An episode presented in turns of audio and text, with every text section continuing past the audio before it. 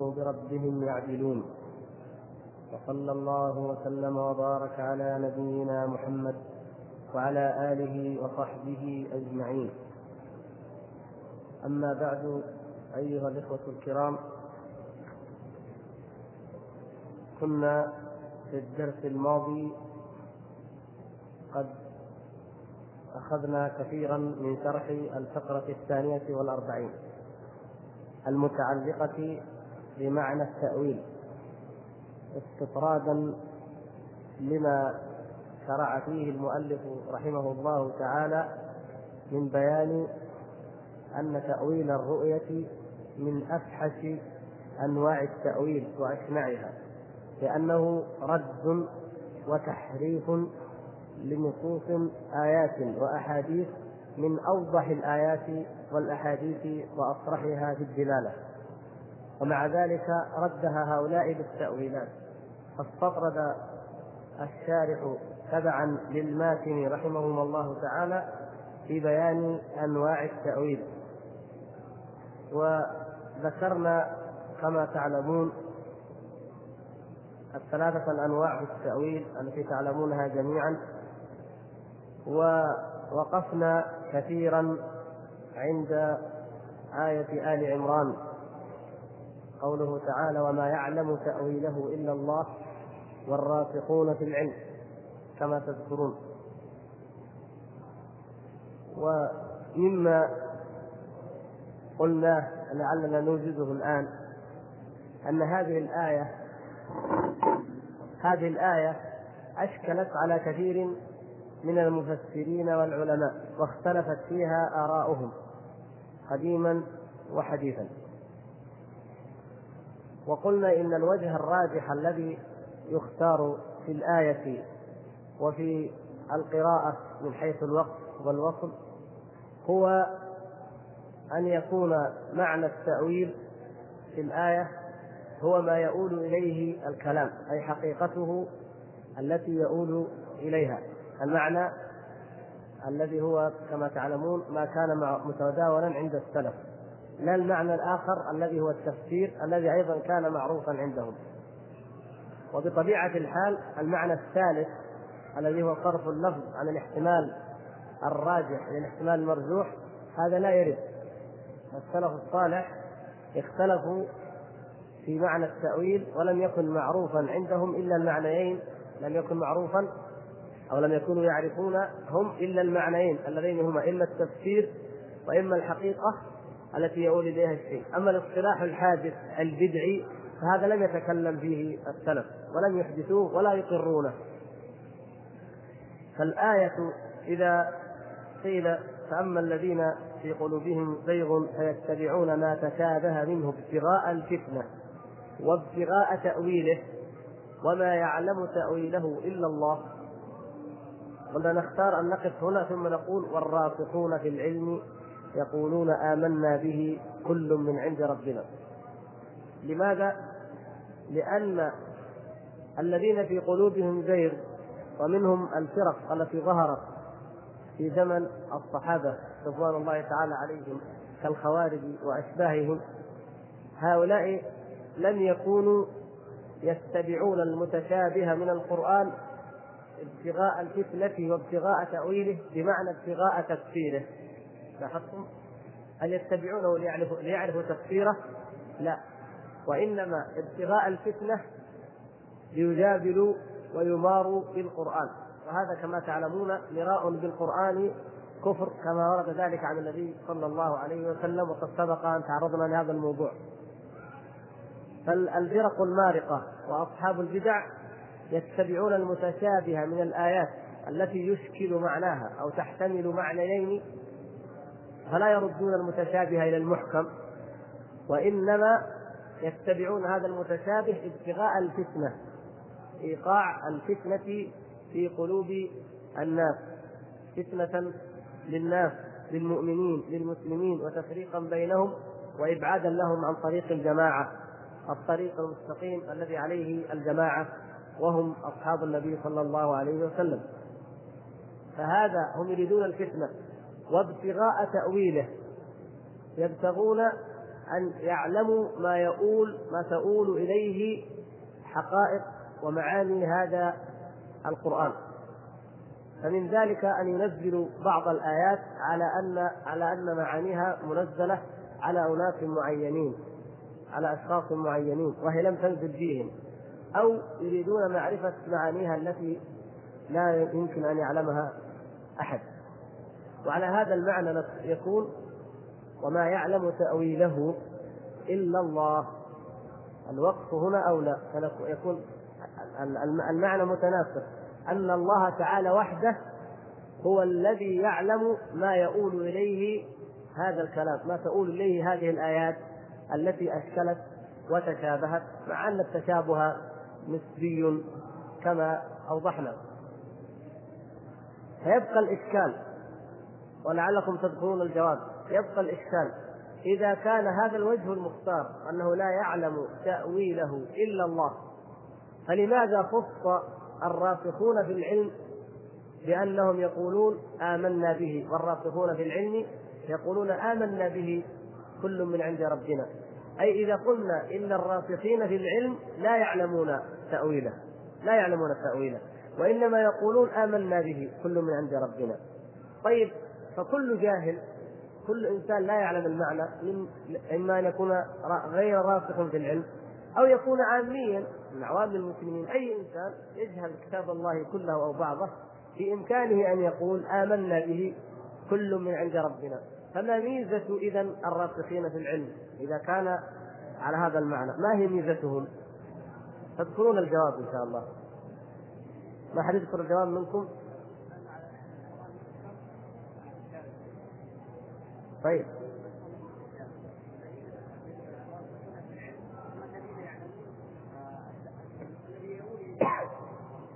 لا إحنا قلنا على هذا الوجه لا يعلمون.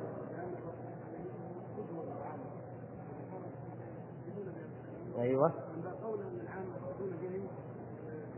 نعم. الله تعالى خص الراسخين في العلم تنبيها على أن من دونهم الذي لا يعلم فذلك من باب أولى.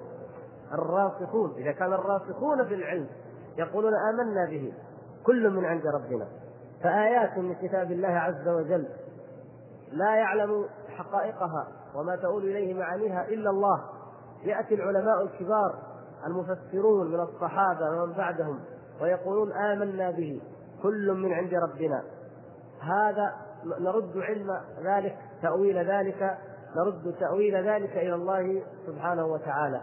فمعنى ذلك أن من عداهم من باب أولى ألا يتكلم وألا يخوض في تأويله.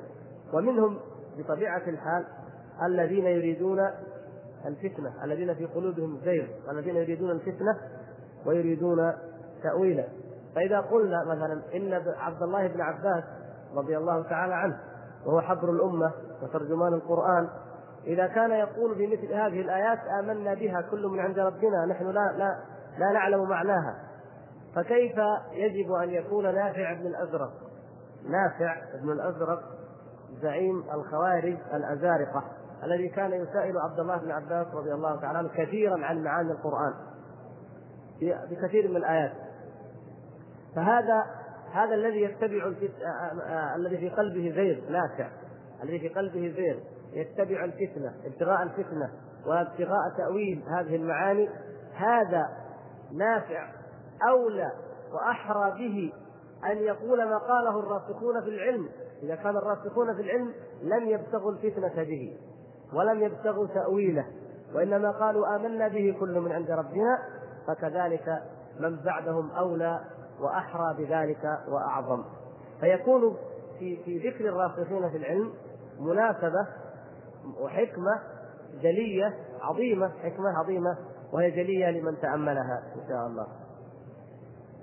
القضية الأخرى التي ينبغي أننا نفهمها ونعلمها وهي هل في القرآن هل أنزل الله تبارك وتعالى في القرآن شيئا لا يعلم معناه لا يعلم معناه كل الأمة ولا أحد من الأمة؟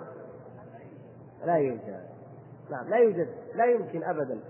لا لم ينزل الله تبارك وتعالى هذا القرآن إلا وأمرنا بتدبره وتفكر آياته وعقل أمثاله بحسب الاستطاعة. يتفاوت الناس في ذلك بما يقدرهم الله عز وجل بما يعطيهم الله من مواهب ومن فهم يمن به على من يشاء وفقه في دين الله سبحانه وتعالى وتعليم لتأويل كتابه.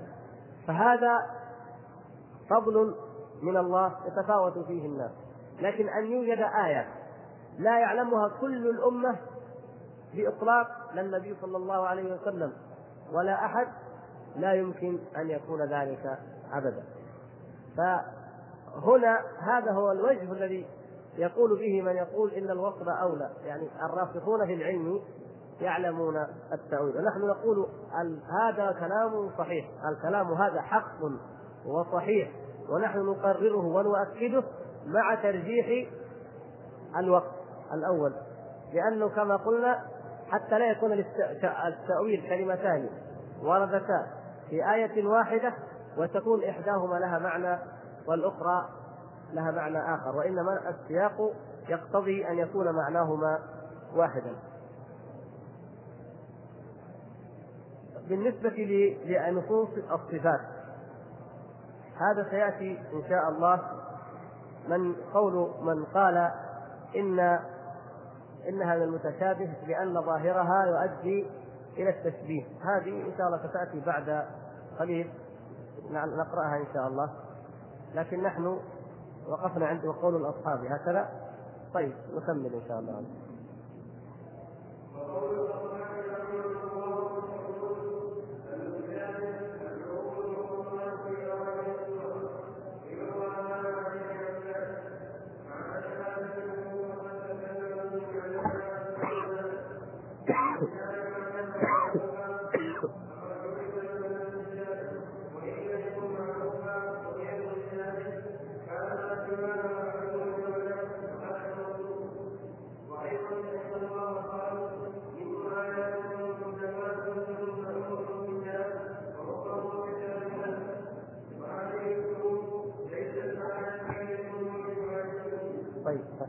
نكتفي بموضوع الحروف المقطعة إذا قال الإمام ابن أبي العز رحمه الله وقول الأصحاب كذا فمن يعني بالأصحاب؟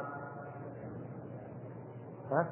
الأحناف نعم يعني هذا طبعا هو حنفي المذهب فهو يميل أو يقول إن أصحاب أبي حنيفة رحمهم الله أو ما يرجحونه هم ويقول أنه الراجح من مذهب أبي حنيفة والمختار عندهم أن الحروف المقطعة هي المتشابه أو أن المتشابه هو الحروف المقطعة في أوائل السور.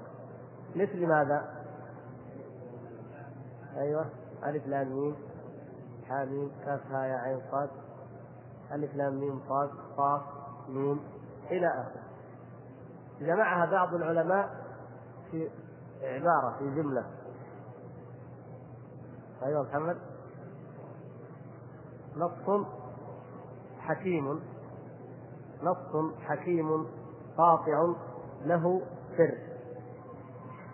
يعني كأن هذه العبارة كأنها تدلك على على معنى من معاني هذه الحروف. أنها نص حكيم قاطع له سر. فهي النون والصاد والحاء والكاف والياء والميم والقاف والألف والطاء والعين واللام والهاء والسين والراء. هذه هي الحروف المقطعة التي وردت في أوائل السور.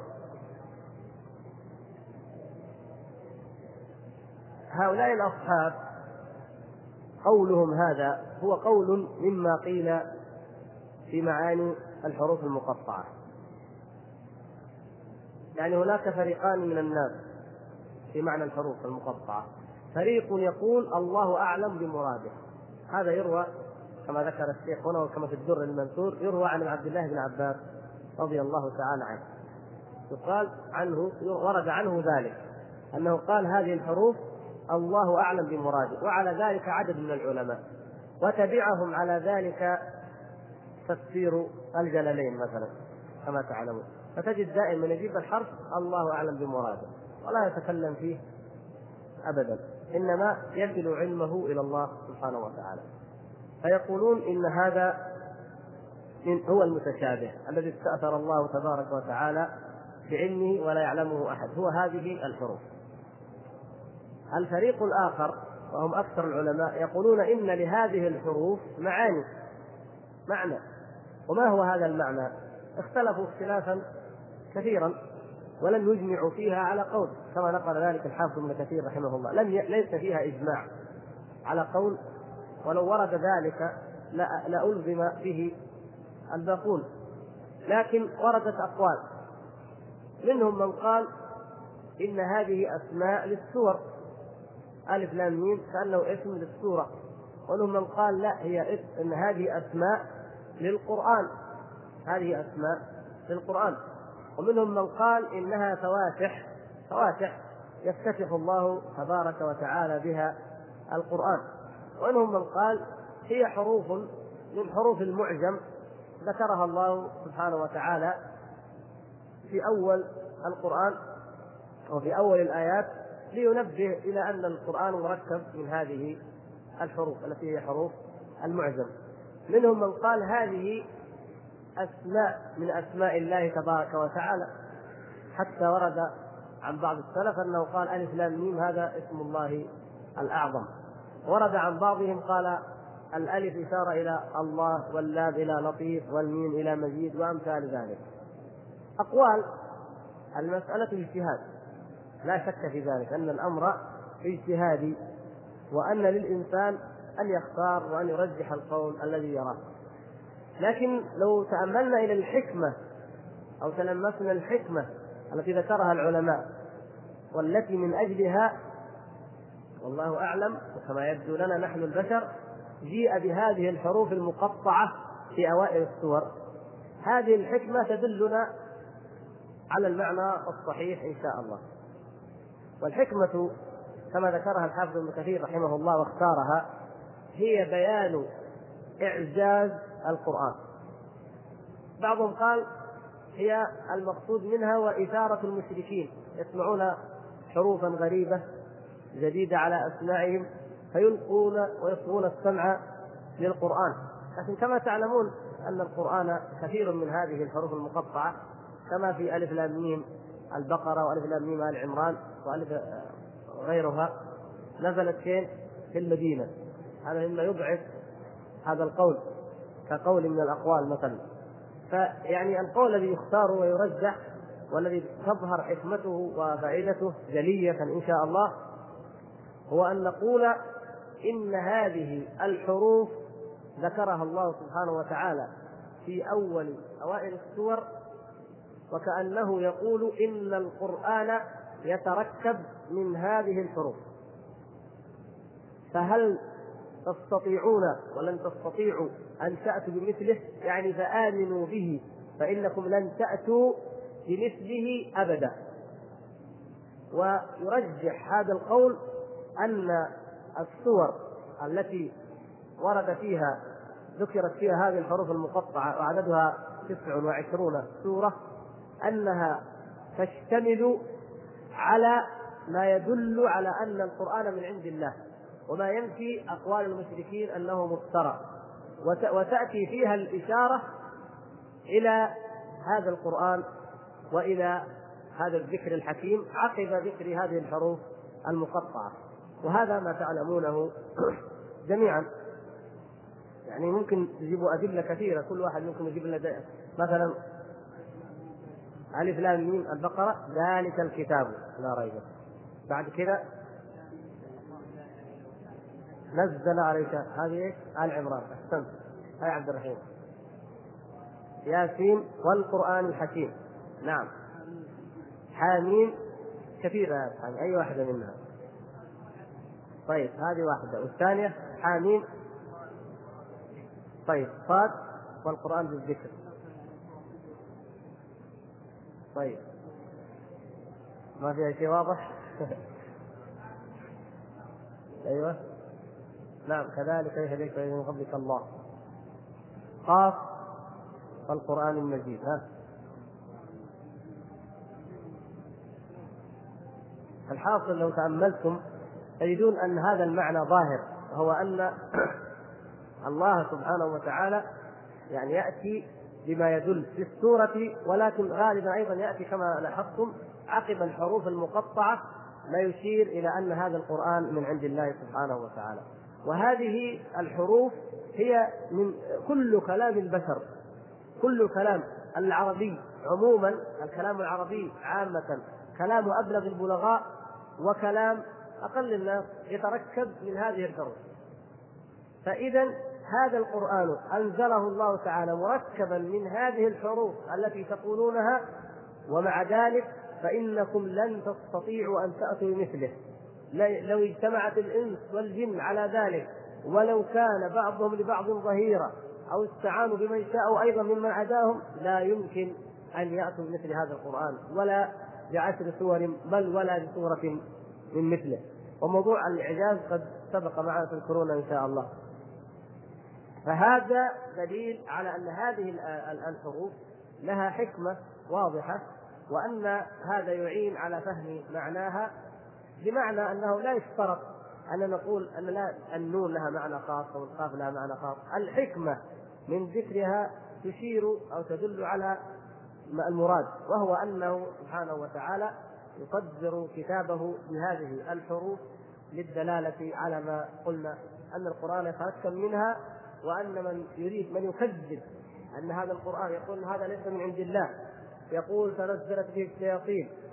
يقول إنما يعلمه بشر. يقول ويقول من الافتراءات أساطير الأولين اكتسبها وأمثال ذلك. فهذه هي حروف القرآن. هذه هي الحروف التي تقولونها تستخدمونها. ركبوا منها أنتم.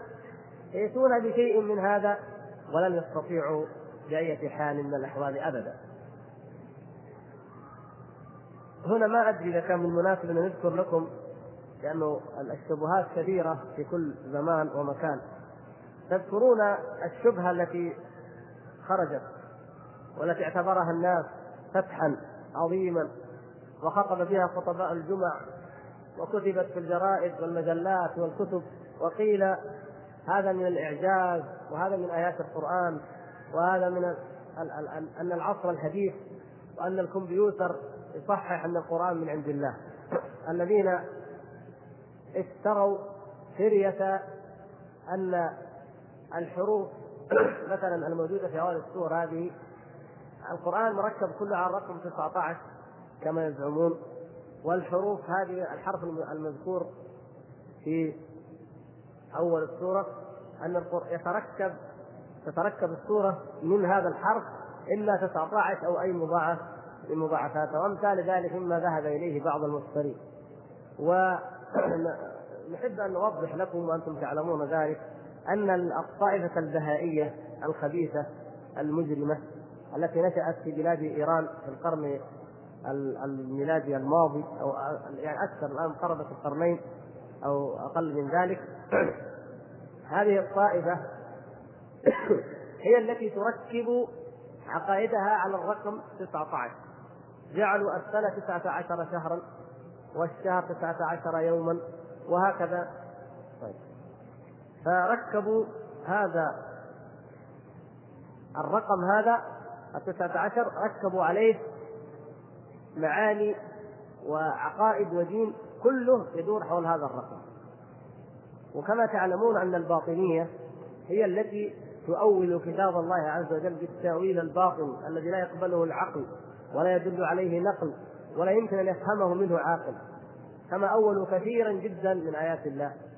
وهذه البهائية ما هي إلا فرقة حديثة أو جديدة من فرق الباطنية التي خرجت في نفس المنبت الذي نبت الذي هو منبت الرفض وهو أصل التكذيب بكتاب الله وأصل تحريف كلام الله سبحانه وتعالى. فمن وهذا الرجل هو رجل مصري.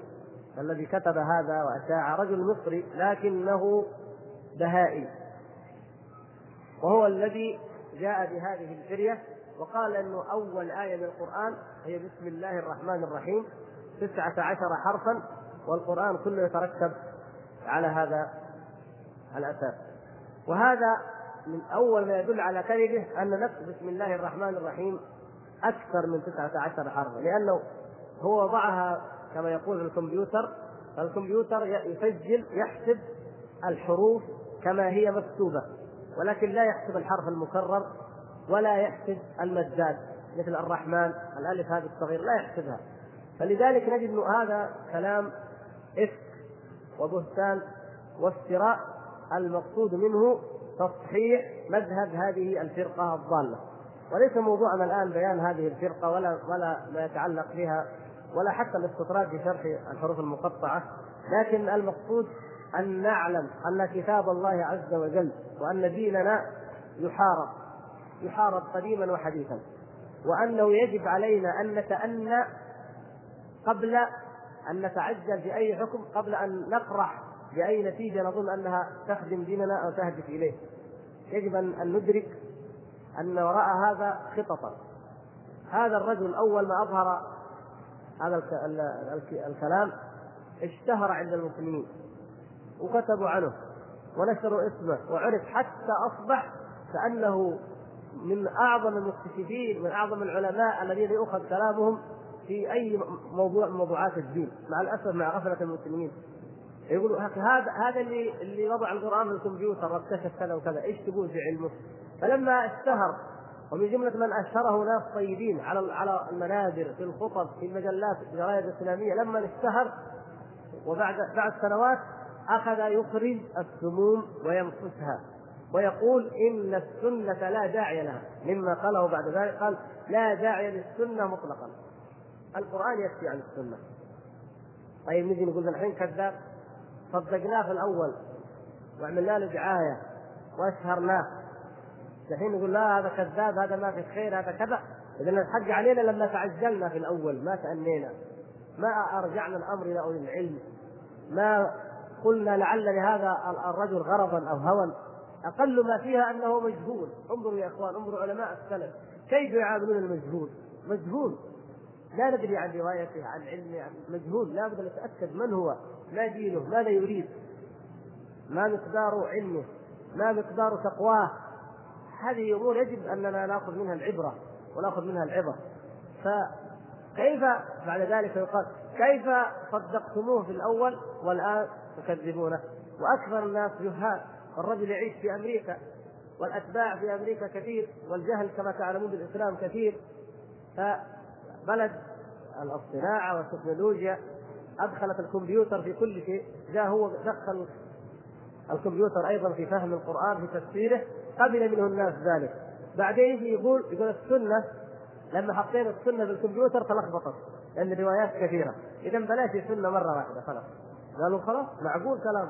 لو كانت ثابتة لا قبلها الكمبيوتر وأحصاها وعدها وهكذا. فقبل منه الناس هذا الكلام. فالحق ما هو عليه. هو ملحد لكن الحق علينا. عندما تنتشر هذه السموم بيننا الحق علينا نحن الذين نروج لها ولا نعي ما يخطط أعداء الإسلام قديما وحديثا. فهم لم لن يسرقوا هذا الدين ابدا.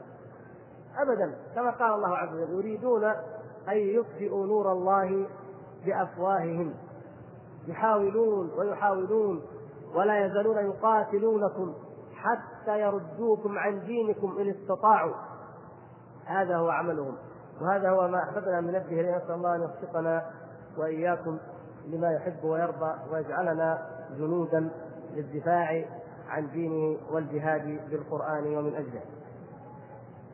فنقول اذا هذه الحروف قد تكلم في معناها كثير من الناس فإن كان المعنى معروفا لديهم وإن كان هذا المعنى يعني على احتمال اضطراب إن كان ما قالوه من معاني حقيقية وأن معانيها معروفة فقد عرف المتشابه إذا ليس في كتاب الله عز وجل شيء لم لا تعرف الأمة مجتمعة معناه وإن لم يكن معروفا يعني على على فرض هذا كلام الشارح رحمه الله على فرض أنه ليس معروفا وأن غيرها قد عرف فإذا ما سواها هو المعلوم ما سواها معلوم فهي تكون هي المتشابهة وهذا هو المطلوب يعني.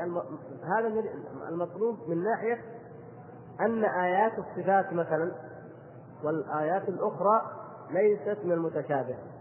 فإذا يبقى أن المتشابه على هذا القول رغم أنه ليس الراجح أن المتشابه فقط هو هذه الحروف المقطعة. وما عداها من القرآن ليس متشابه. إذا القرآن ليس فيه آية إلا أو حكم إلا ويعرفه تعرفه الأمة. علمه من علمه منها وجهله من جهله. وهذا وجه في الجواب عن قول الأصحاب هؤلاء إن الحروف المقطعة هي المتشابه. والوجه الثاني هو قوله وأيضا فإن الله قال منه آيات محكمات هن أم الكتاب وأخر متشابهات. يقول وهذه الحروف ليست آيات عند جمهور العاجزين هنا رجع إلى مسألة اصطلاحية فنية وهي أن الله الله تعالى يقول منه آيات محكمات آيات. وهذه الحروف عند البعض سواء كان صح ما قال انه عند الجمهور أو ليس الجمهور عند البعض أنها ليست آيات وإنما هي حروف فلا تعد ولا تحسب آيات. وكما تعلمون هناك اختلاف بين العلماء رحمهم الله تعالى في عدد آيات القرآن. بعضهم يرى هذه أنه مثلا كذا وبعضهم يزيد بعضهم ينقص. هذا لا يؤثر في القرآن. الحمد لله في ثبوت القرآن وإنما هي امور اصطلاحيه فنية نقلية يراها رآها العلماء وليست مما هي مبنية على التوقيف والمقصود أن هذا وجه من الأوجه التي قد تنفع في بيان القول بأن لا إنه لا يوجد في القرآن شيء إلا وهو معلوم عند الأمة عامة وليس فيه شيء لا يعلمه أحد من هذه الأمة. والله أعلم. ننتقل الآن للمعنى الثالث من معاني التأويل. تفضل.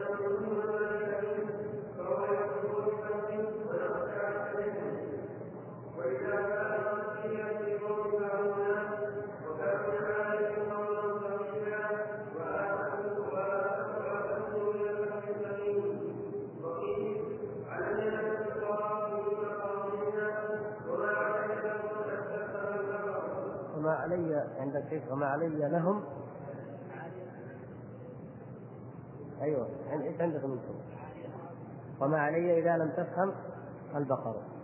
أي نعم. يعني هذه أصح من اللي عندنا هنا. علي نفس القوافي من معادنها. هذا أصح. نعم. وما علي إذا لم تفهم البقر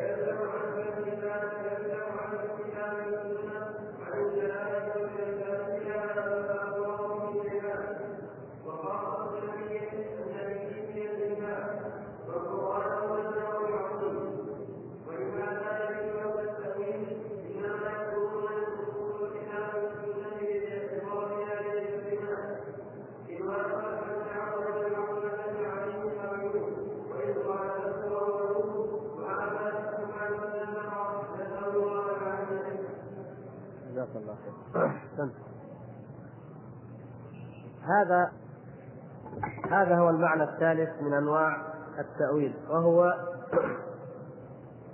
التأويل الاصطلاحي الذي اصطلح عليه أهل البدع وهو صرف اللفظ عن الاحتمال الراجح إلى الاحتمال المرجوح لقريبة.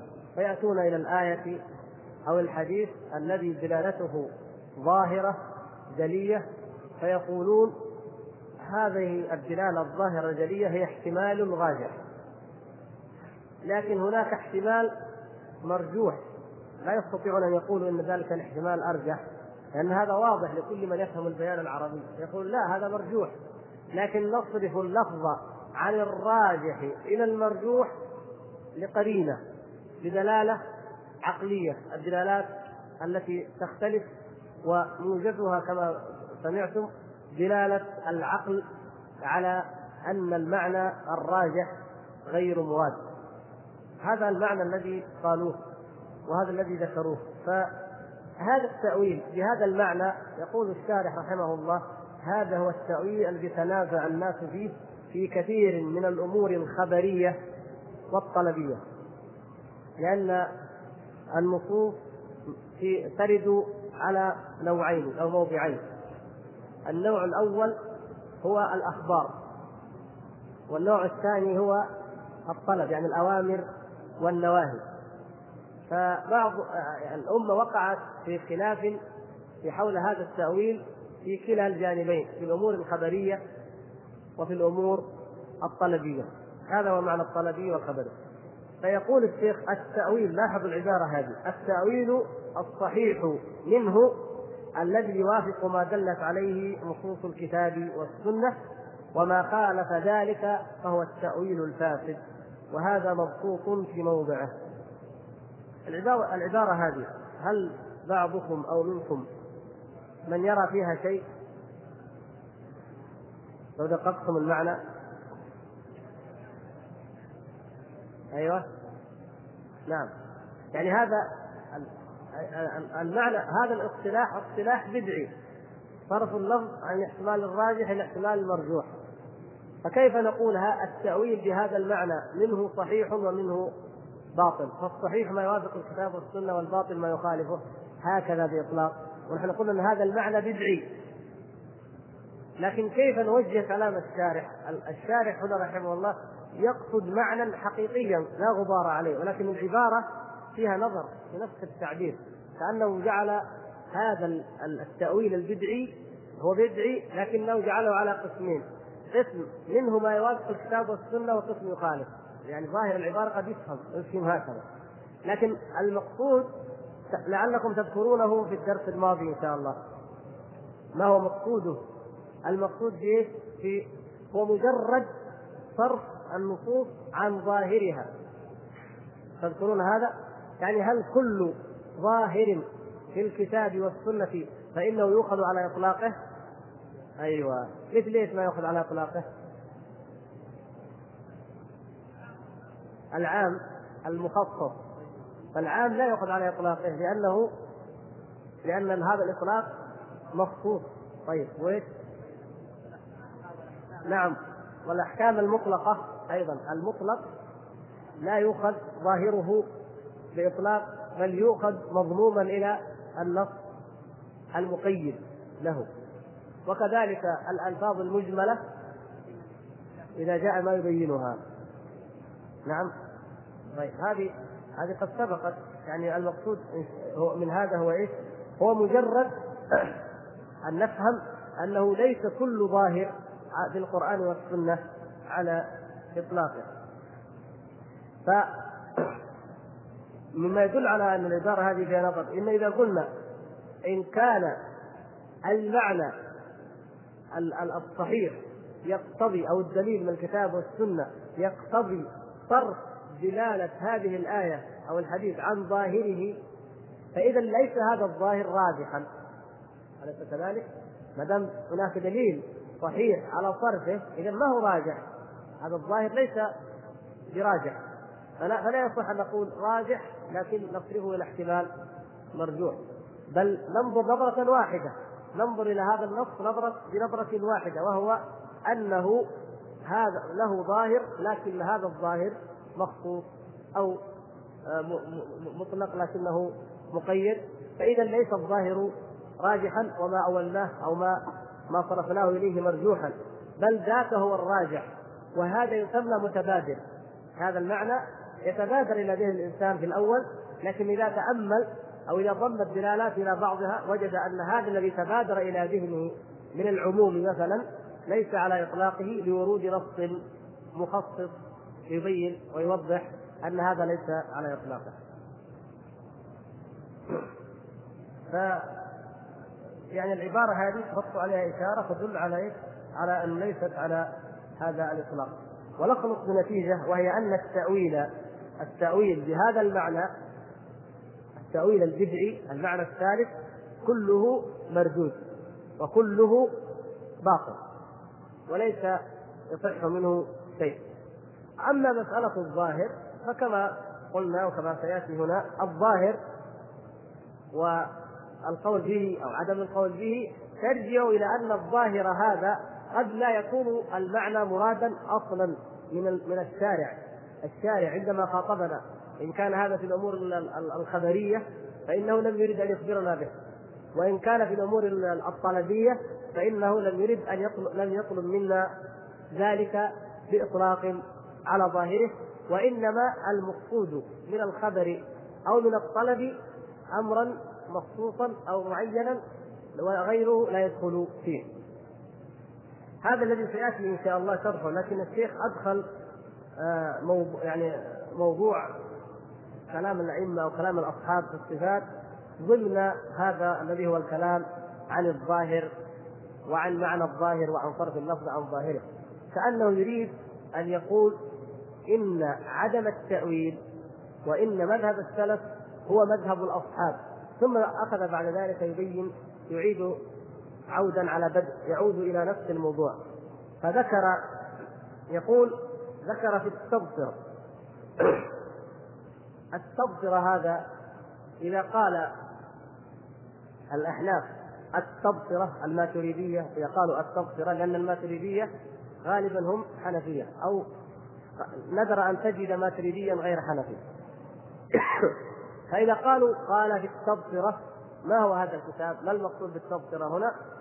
هذا سبق معنا قديما هو كتاب تبصرة الأدلة كتاب تبصرة الأدلة لأبي المعين النسفي فهو من كتبهم في علم الكلام تبصرة الأدلة لأبي المعين النسبي.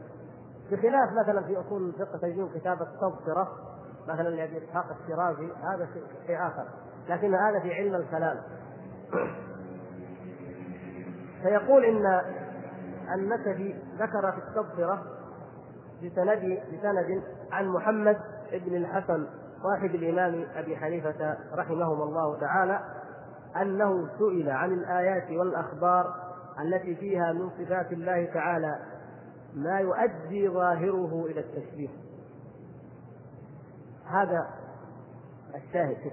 ما يؤدي ظاهره إلى التشبيه.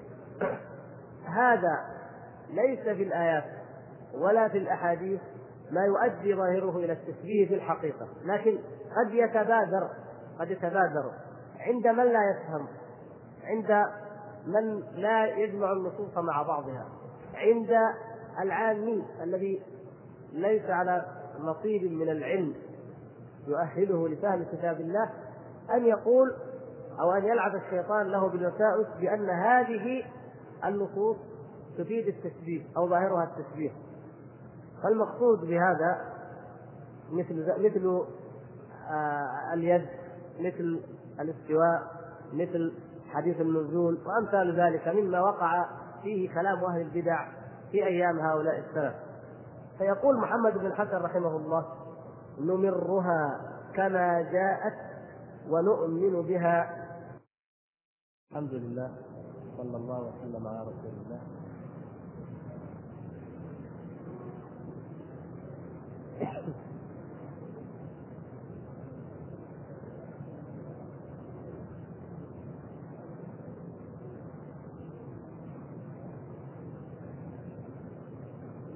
ونجيب على الأسئلة إن شاء الله تتعلق بالموضوع وأيضا لا بأس بالأسئلة عن الحج.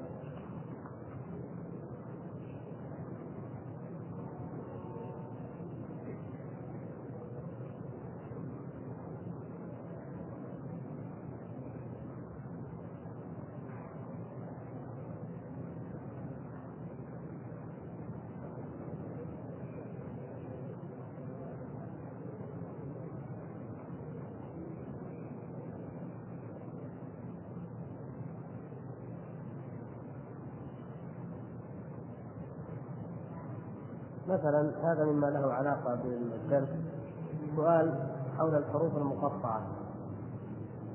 يقول الأخ قوله تعالى ما هو الصحيح في قول الله تعالى طه ما أنزلنا عليك القرآن لتشقى هل المقصود بطه اسم الرسول صلى الله عليه وسلم أم أنه من الحروف المقطعة؟ جزاكم الله خيرا. طه من الحروف المقطعة يقينا. لكن هل هو اسم للنبي صلى الله عليه وسلم أو اسم للقرآن؟ ما تفسيره ما معناه. هو كما سبق منهم من قال هو اسم للسورة ومنهم من قال اسم للنبي صلى الله عليه وسلم. منهم من قال اسم للقرآن منهم من قال الله أعلم بمراده منهم من قال هي فواتح افتتح الله بها كتابه. والذي كما سمعتم قلنا يرجح أن هذه الحروف هي من حروف المعجم الحروف التي ينطق الناس بها ذكرها الله تبارك وتعالى في أوائل السور التي عقب كما في هذه الآية عقب بعدها بذكر الكتاب أو القرآن أو بيان أنه معجز لبيان أنه أن القرآن بينة عظمى وآية عظمى لا يأتي بمثلها البشر فهم عاجزون عن الإتيان بمثله وإن كان هو مركبا من جنس ألفاظهم وكلامهم اي أي يتركب من هذه الحروف التي يعرفونها وينطقون بها.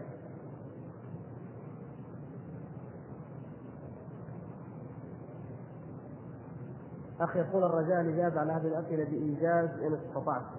جزاكم الله خيرا. شخص أتى من اليمن إلى جدة بنية الحج ولكنه لم يحرم من الميقات. بل أحرم من جدة بالعمرة وسوف يحرم بالحج في السابع من الشهر فما الذي يترتب عليه؟ لا يجوز لأحد أن يتجاوز الميقات إلا محرما ممن نوى الحج أو العمرة لا يجوز له أن يتجاوز الميقات إلا محرما وهذا الذي اعتبر من جدة إن كان جاوز الميقات جاء من اليمن بنية العمرة ولكنه تجاوز الميقات فإن عليه دم يجب عليه دم. وإن كان جاء من اليمن بنية العمل ثم أقام في جدة أو لما وصل إلى جدة وأقام فيها رأى أنه يحج فإنه أو يعتمر فقال إذا أحج الآن أعتمر الآن ثم أحج فإن لا شيء عليه ما دامت النية ما حصلت له إلا من جدة. المقصود هو أن الذي يريد الحج والعمرة كما قال النبي صلى الله عليه وسلم ممن أراد الحج والعمرة من نوى ذلك لا يجوز له أن يتجاوز الميقات إلا محرما إلا بالإحرام بنية الحج والإحرام أو العمرة. ومن تجاوز ذلك فإن كان مثل هذه الأيام جاء هذه الأيام ولم يذهب لم يعتمر إلى الآن ولم يحج فإنه يجب عليه أن يعود إلى الميقات. ما نقول له عليك دم الآن يقول ارجع إلى الميقات فأحرم منه ثم تعال. وإن كان قد فعل كحال هذا الأخ أنه قد أحرم بالعمرة من جدة فإن عليه دم. إلا إذا كان جاء على غير نية الحج والعمرة وبدا له من جدة أو من غيرها مما هو داخل المواقيت أن يحج. فليكن معلوما عند الإخوة وأن نخبر إخواننا ومن وراءنا أن جدة ليست ميقاتا إلا لأهلها. جدة ليست ميقاتا من المواقيت المنصوص عليها. لكن أهل جدة يحرمون من جدة. أهل بحرة يحرمون من بحرة. وكذلك كل من كان من دون المواقيت. تفضل.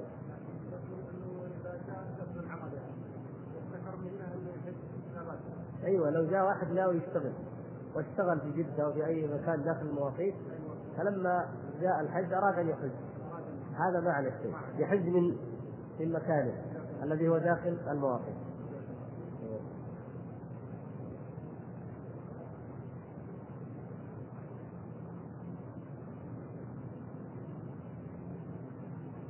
هل يصح القران بدون سوق الهدي؟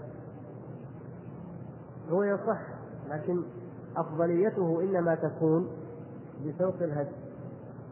ومن ساق الهدي لا يجوز له أن يفسخ الحج يعني يفسخ إحرامه في الحج والعمرة بالقرآن إلى التمتع. كما فعل النبي صلى الله عليه وسلم فإنه لم يفعل ذلك بل تمنى أنه يكون فعل تمنى أنه لم يسق الهدي وأنه جعلها عمرة.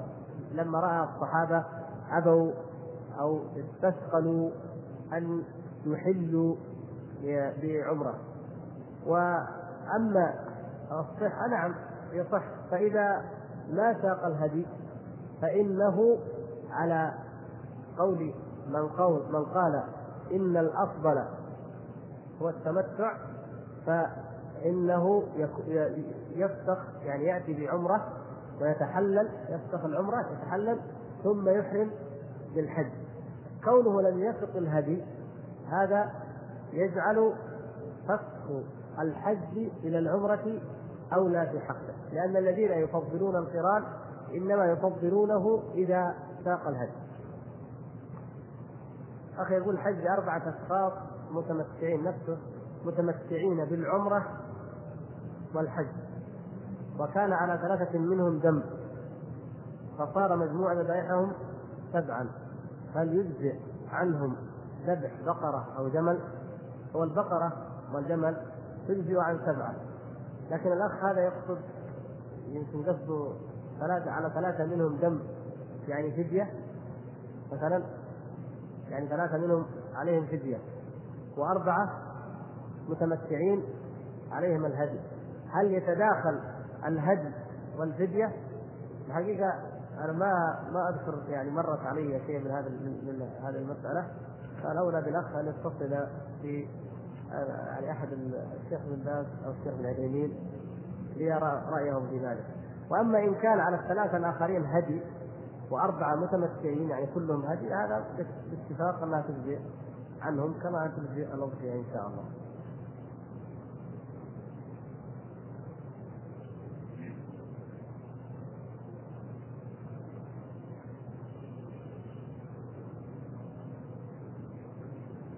أيضا يقول الأخ هذا برضو من الأشياء المهمة يعني التي هذا وقت التذكير بها.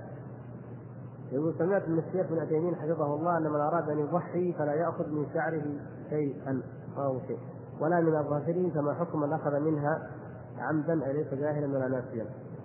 هذا النبي صلى الله عليه وسلم نص عليه في الحديث الصحيح.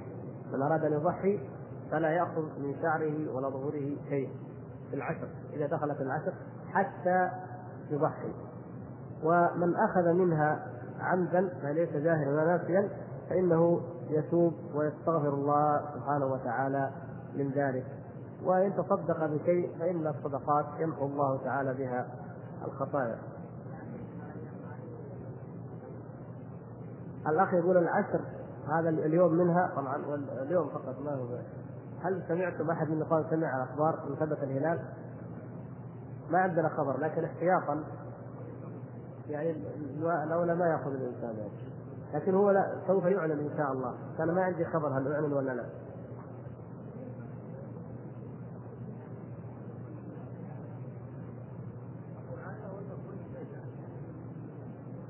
نعم. إيه قصدك من يضحى عنه. هو الأرجح كما يرى بعض العلماء أنه فقط من يضحي يعني على النص من يضحي فقط. فإذا كنت تريد أن تعمل بهذا القول إن شاء الله هو الأرجح. وإن كان كنت تريد أيضا أن تعمل بأهل أحوط فمن العلماء من يرى أنه يشمل حتى من يضحى عنه كما هو معلوم أو مشهور في المذهب الحنبلي مثلا. يقول الأخ أفعال الرسول صلى الله عليه وسلم يقسمها بعض العلماء إلى أفعال عادة وجبلة وأخرى أفعال عبادة وتشريع فكيف يتسنى لنا التفريق بين النوعين؟ التفريق بين النوعين بتحديد علمي اصطلاحي قد يكون فيه نوع من العسر لكن هو مما يعلمه الناس ومما يدركه الإنسان إذا تأمل حياة النبي صلى الله عليه وسلم. هناك أمور عادية يفعلها بحكم كونه صلى الله عليه وسلم بشرا من الناس ولم يشرعها للأمة ولا حث الناس على أدائها أن يفعلوها أن يمتثلوها. كأن يذهب مثلا يبني بيته شيء معين يلبس مثلا نوعا معينا دون آه لمجرد أنه حصل له هذا اللباس أو أهدي إليه أو أهدي إليه نوعا من الطعام فأكل منه أو أنه يقضي حاجته في مكان معين أو أنه لما أن سافر قال يعني في القيلولة جلس تحت شجرة معينة أو مكان معين وامثال ذلك من الأمور التي يفعلها باعتباره بشرا صلى الله عليه وسلم. فهذا لم يكن الصحابة رضوان الله تعالى عليهم وهم أحرص الناس على الاقتداء به يقتدون به. إلا ما روي عن القليل ممن يعتبر يعتبر هذا من المبالغة في الاتباع ولكن لا لم يوافقهم عليه أكثر الصحابة. وأما الذي هو من سنته صلى الله عليه وسلم أو من هديه فإن هذا يكون لأن مما أمر به أو مما دل عليه في القول أو مما أقره أو مما فعله صلى الله عليه وسلم في مقام التأسي والاقتداء.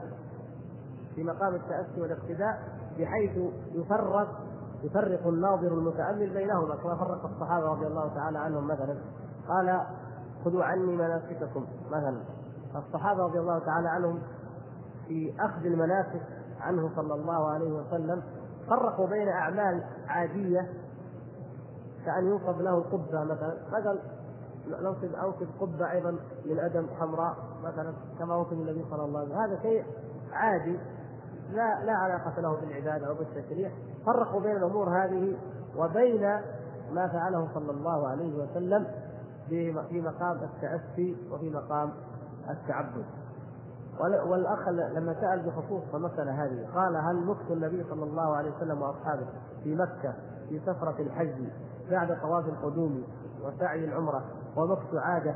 وبالتالي فلا يوجد نص يلزم الحاج المتمتع أو المقيم العوده إلى منزله قبل يوم الحج. هو الذي يبدو أنه نعم مجرد آه، للراحة وللاستجمام وليس تعبديا. ما تعبدنا النبي صلى الله عليه وسلم بأن نصل إلى مكة في نفس اليوم ونطوف طواف القدوم ثم ننتظر نفس الوقت. بل جاء عرب المدرس كما تعلمون وقال ما فرقت جبل إلا هللت منه. جاء أبو موسى الأشعري من اليمن. كذلك جاء بعض الصحابة من مناطق متفرقة وما شرط عليهم انهم يفعلون نفس العمل ولا ذكر لهم ذلك ولا أحد أنكر عليهم. لكن الحاج المتمتع أو القارن كلمة العودة إلى المنزل التي ذكرها الأخ. يحتمل كما هو يعني مقام الحال الآن أن يكون هذا الأخ من أهل جدة. هو من أهل جدة. هل كونك من أهل جدة أو حتى من غيرها يلزمك أن تبقى في مكة؟ قلنا الجواب لا يلزم لا يلزمك أن تبقى في مكة إذا اعتمرت بنية التمتع. لكن إن كنت من أهل جدة ورجعت إلى جدة فلست بمتمتع.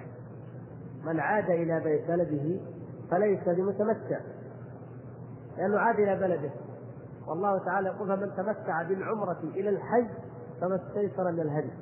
فمفهوم الآية الواضح هو أن الإنسان تمتع أدى نسكين في سفرة واحدة. طيب واحد يقول لك ما هو سافر من بلده؟ فاعتمر. ثم عاد إلى بلده واستمر في عمله في شغله ثم سافر فحج ما تمتع هذا. هذا لا يسمى متمتعا. إذا كان قدم من الهند ها؟ من الهند من السودان من تركيا. أدى العمرة ثم عاد إلى جدة وبقي فيها. فإنه يحرم من جدة طبعا بالحج ويكون متمتعا هذا لأنه فعلا في سفرة واحدة. هذا في سفرة واحدة وهذا تمتع إلا أنه خرج من مكة. فخروجه من مكة على القول الراجح لا يسقط كونه متمتعا وإنما يسقط تمتعه أو لا يكون متمتعا بعوده إلى بلده.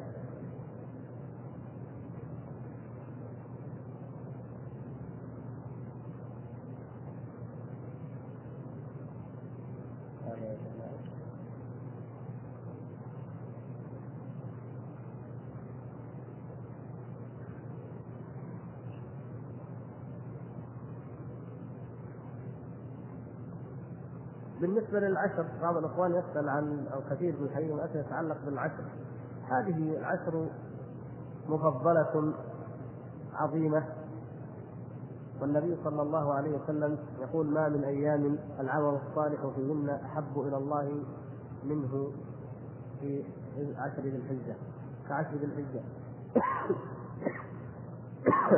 قالوا ولا ولا الجهاد في سبيل الله. قال ولا الجهاد في سبيل الله إلا رجل خرج. بنفسه وماله ثم لم يعد من ذلك بشيء أو كما قال صلى الله عليه وسلم.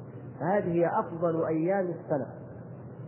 والقول الذي رجحه شيخ الإسلام ابن تيمية أن أفضل أيام السنة من حيث الأيام يعني النهار هي عشر ذي الحجة العشر من ذي الحجة.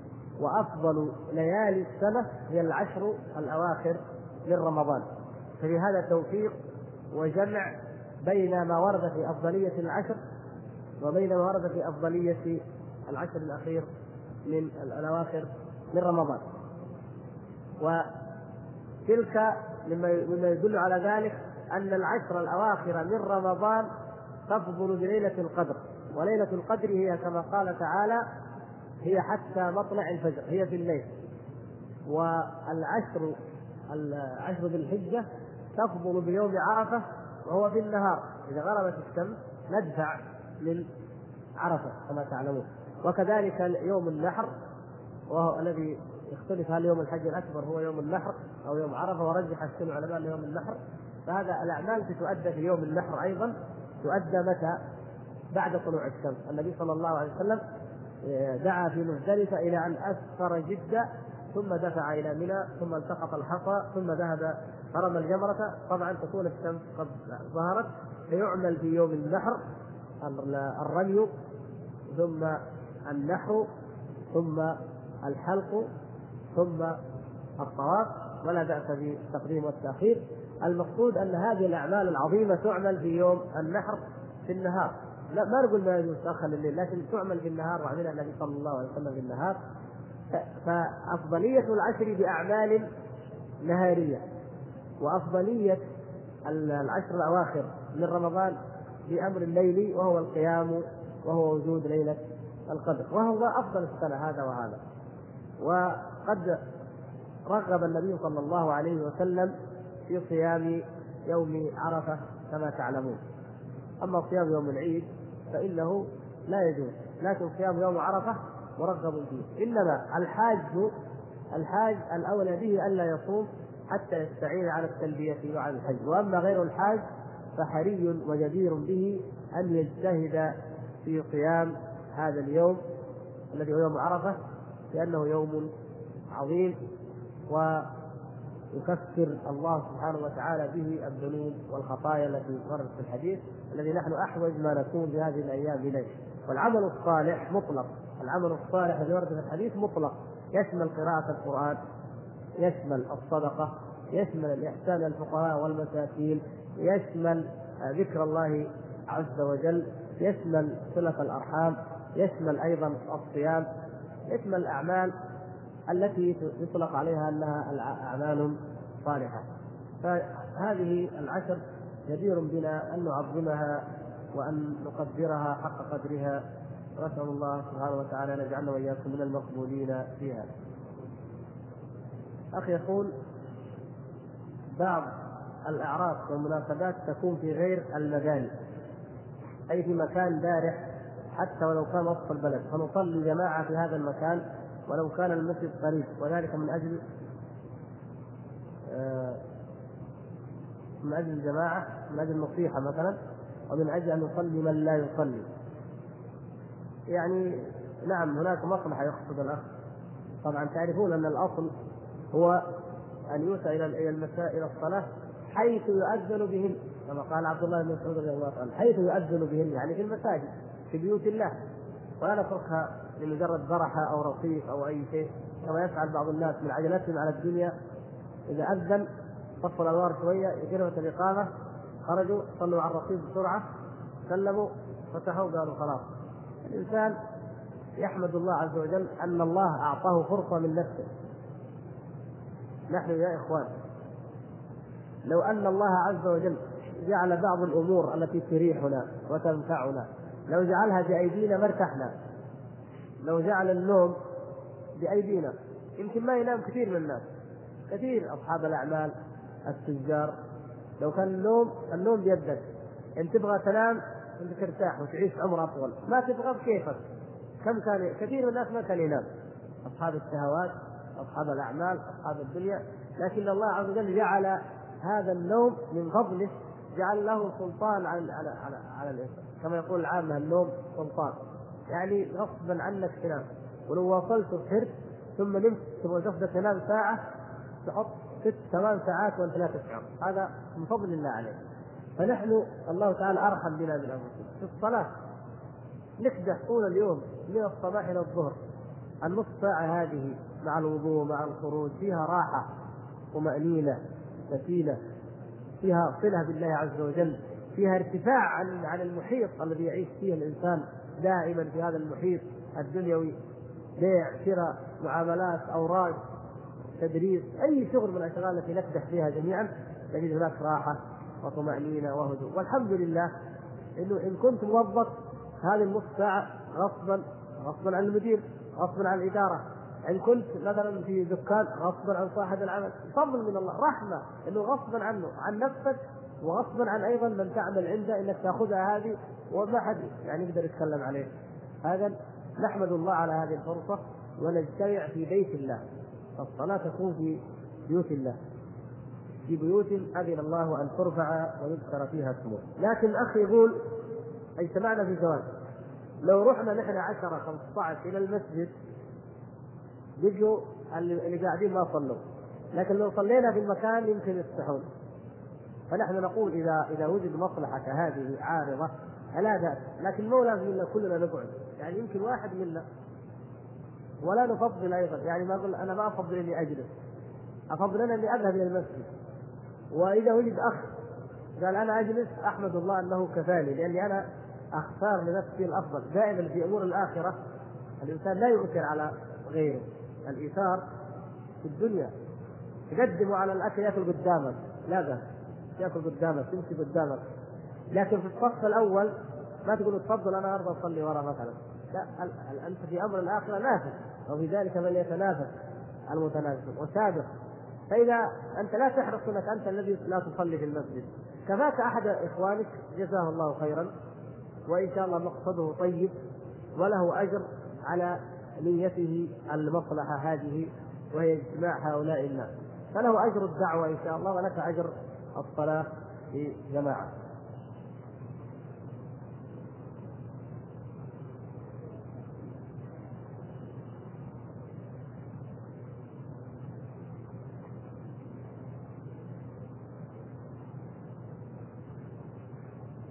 هذا السؤال قد تكرر قريب منه.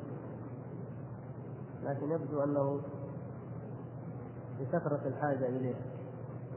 يتأول بعض الناس آيات الجهاد واستخدامها استخدامهم هذه الآيات في الحث على عمل يقومون به يسمى خروجا. فيستخدمون هذا الاشتراك في اللفظ للترغيب في القيام بعملهم. لعل الأخ يعني نظر إلى موضوع التأويل الذي نحن فيه وعلاقة ذلك بموضوع التأويل. فبعض الناس يستخدم كلمة الخروج يقول الأخ كقوله تعالى ولو أنهم أرادوا الخروج لأعدوا له عدة كذا الآية لا ولو أرادوا الخروج ولو أرادوا الخروج لأعدوا له عدة. يستخدمونها في ترهيب من يتثاقل عن خروجهم هذا. كقوله تعالى يا أيها الذين آمنوا ما لكم إذا قيل لكم انفروا في سبيل الله استاقلتم من الأرض بالحث على الخروج معهم. هذا الذي لم ترد السنة به. وكذلك قوله صلى الله عليه وسلم ولا يجتمع غبار في سبيل الله ودخان جهنم. لا يجتمع نعم دخان جهنم وغبار سبيل الله. وفي فضل المشي في الجولة التي تكون في خروجها. وهل لفظ سبيل الله في سبيل الله يراد به كل عمل خير أم هو مقصور على الجهاد وطلب العلم لورود النص به؟ وقوله وفي سبيل الله في آية الصدقات ما المراد به على هذا التعميم أو التفصيل؟ يعني عدة أول شيء هل يجوز لأحد أن يعمل عملا؟ وإن كان هو في ذاته له أصل العمل له أصل لكن يعمله ثم يجعل كل النصوص التي يرد فيها هذا اللفظ تدل على ما على مقصده هو فقط؟ هل يجوز لأحد أن يعمل؟ عمل لا العمل له أصل.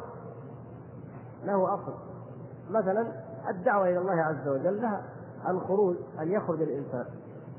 أن يذهب الإنسان. أن يسافر الإنسان. أي اسم أي كلمة ما في مش إلا كلمة متعبدين بخرج يخرج. فالانسان يذهب يدعو إلى الله عز وجل. هذا له أصل نعم. ليس هو في ذاته حراما ولا بدعة. هو في ذاته مجرد انك تخرج تدعو إلى الله سبحانه وتعالى. كل أي ناس ترى أن تدعوها من الله. هذا في ذاته دعوة. وهذا في ذاته جائز. والأجر للإنسان فيه الأجر بحسب النية. فاذا كان النية خالصه لوجه الله والعمل على سنة وعلى علم صحيح فبحسب التقوى يكون الأجر. أما أن يخرج يجعل الإنسان كل كلمة في الكتاب أو السنة يستدل بها يجعلها دليلا له لمجرد المطابقة اللفظية أو الاشتراك اللفظي. فهذا لا يجوز. هذا نوع من أنواع التأويل لأن التأويل أنواع في أنواع دقيقة وأنواع خفيه وأنواع بدعية وأنواع هذا من أنواع التأويل البدعي الذي يؤدي إلى أن يحرف كلام الله عز وجل. ولو أن احدا ما فهم من كتاب الله من هذه الآية مثلا إلا الخروج الذي هو أن تخرج على هذه الصفة المعينة عند أناس معينين فقط. ما فهم إلا هذا لكان ذلك خطأ وتضليلا له ولا سيما الآيات التي صريحة في الجهاد. ما لكم؟ إذا قيل لكم انفروا في سبيل الله استاقلتم من الأرض. هذه في الجهاد. لا تحتمل أي معنى آخر إنما هو الجهاد. قل إن كان آباؤكم وأبناؤكم وإخوانكم وأزواجكم وعشيرتكم وأموال اقترفتم وتجارة تخشون كسادها ومساكن ترضونها أحب إليكم من الله ورسوله وجهاد في سبيله. الآيات في الجهاد. والآيات في سورة التوبة التي فيها هذه ولو أرادوا الخروج وفيها هذه الآية سورة التوبة إنما موضوعها تخلف المنافقين عن رسول الله صلى الله عليه وسلم والثلاثة الذين خلفوا معهم من من المعلومين لديكم تخلفهم عن الخروج مع رسول الله صلى الله عليه وسلم من أجل ماذا؟ من أجل الجهاد. فلا يجوز لأحد أن يجعلها مجرد خروج لا جهاد فيه. كلمة الخروج أي, أي التي جاءت. ولو أرادوا الخروج هذه الآية جاءت في المنافقين. لو أرادوا الخروج لا عدوا له عدة. بمعنى أن أيمانهم كاذبة. ومما يدل على كذب المنافقين في أيمانهم وزعمهم أنهم أرادوا الخروج لكن حبسهم العذر أو الحر أو خوف الفتنة من بنات بني الأصفر أو خوف كذا وكذا من الأعذار التي قالوها. مما يدل على ذلك أنهم ما أعدوا عدة. لكن الصحابة الذين يتخلفون أو تخلفوا لعذر قاهر واضح الله تبارك وتعالى بين ذلك بين أعذارهم. وذكر مثلا ولا على الذين إذا ما أتوك لتحملهم قلت لا أجد ما أحملكم عليه. تولوا وأعينهم تفيض من الدمع حزنا أن لا يجدوا ما ينفقون. هؤلاء ناس أرادوا أن يخرجوا لكن ما قدروا لم يجدوا ما يعينهم. مثلا هؤلاء تألموا وبكوا وحاولوا وحرصوا لكن ما استطاعوا. من لم يستطع من هؤلاء الناس؟ من لم يجد الراحلة؟ من لم يجد ما يعين بأي سبب من أسباب الخروج مع رسول الله صلى الله عليه وسلم؟ لا يستطيع أن يمشي مثلا ولا يجد راحلة. هذا معذور بذل الجهد وهذا يتألم ويبكي وحرق وأعد العدة. لكن واحد ما فكر ما نوى ولكنه معذر. يتعذر. إيش العذر؟ يقول هكذا. أخاف الفتنة أخاف كذا أخاف يأتي بهذه الأعذار. ف... ويقول أنا كان أنا كان نيتي أخرج بس جاءني العذر فالله تعالى مما كذبهم به وأخبر انهم سيحلفون وسيقولون. قال ولو أرادوا الخروج لاعدوا له عدة ولكن كره الله انبعاثهم فثبطهم ما في نية للخروج من عندهم هم. ولم يرد الله عز وجل أن يخرجوا لأنهم لو خرجوا فيكم ما زادوكم إلا خبالا ولا أوضعوا خلالكم يبغونكم الفتنة وفيكم سماعون لهم. فمفاسد كثيرة لو خرجوا. فما أرادوا هم الخروج ولم يرد الله تعالى أن يخرجوا.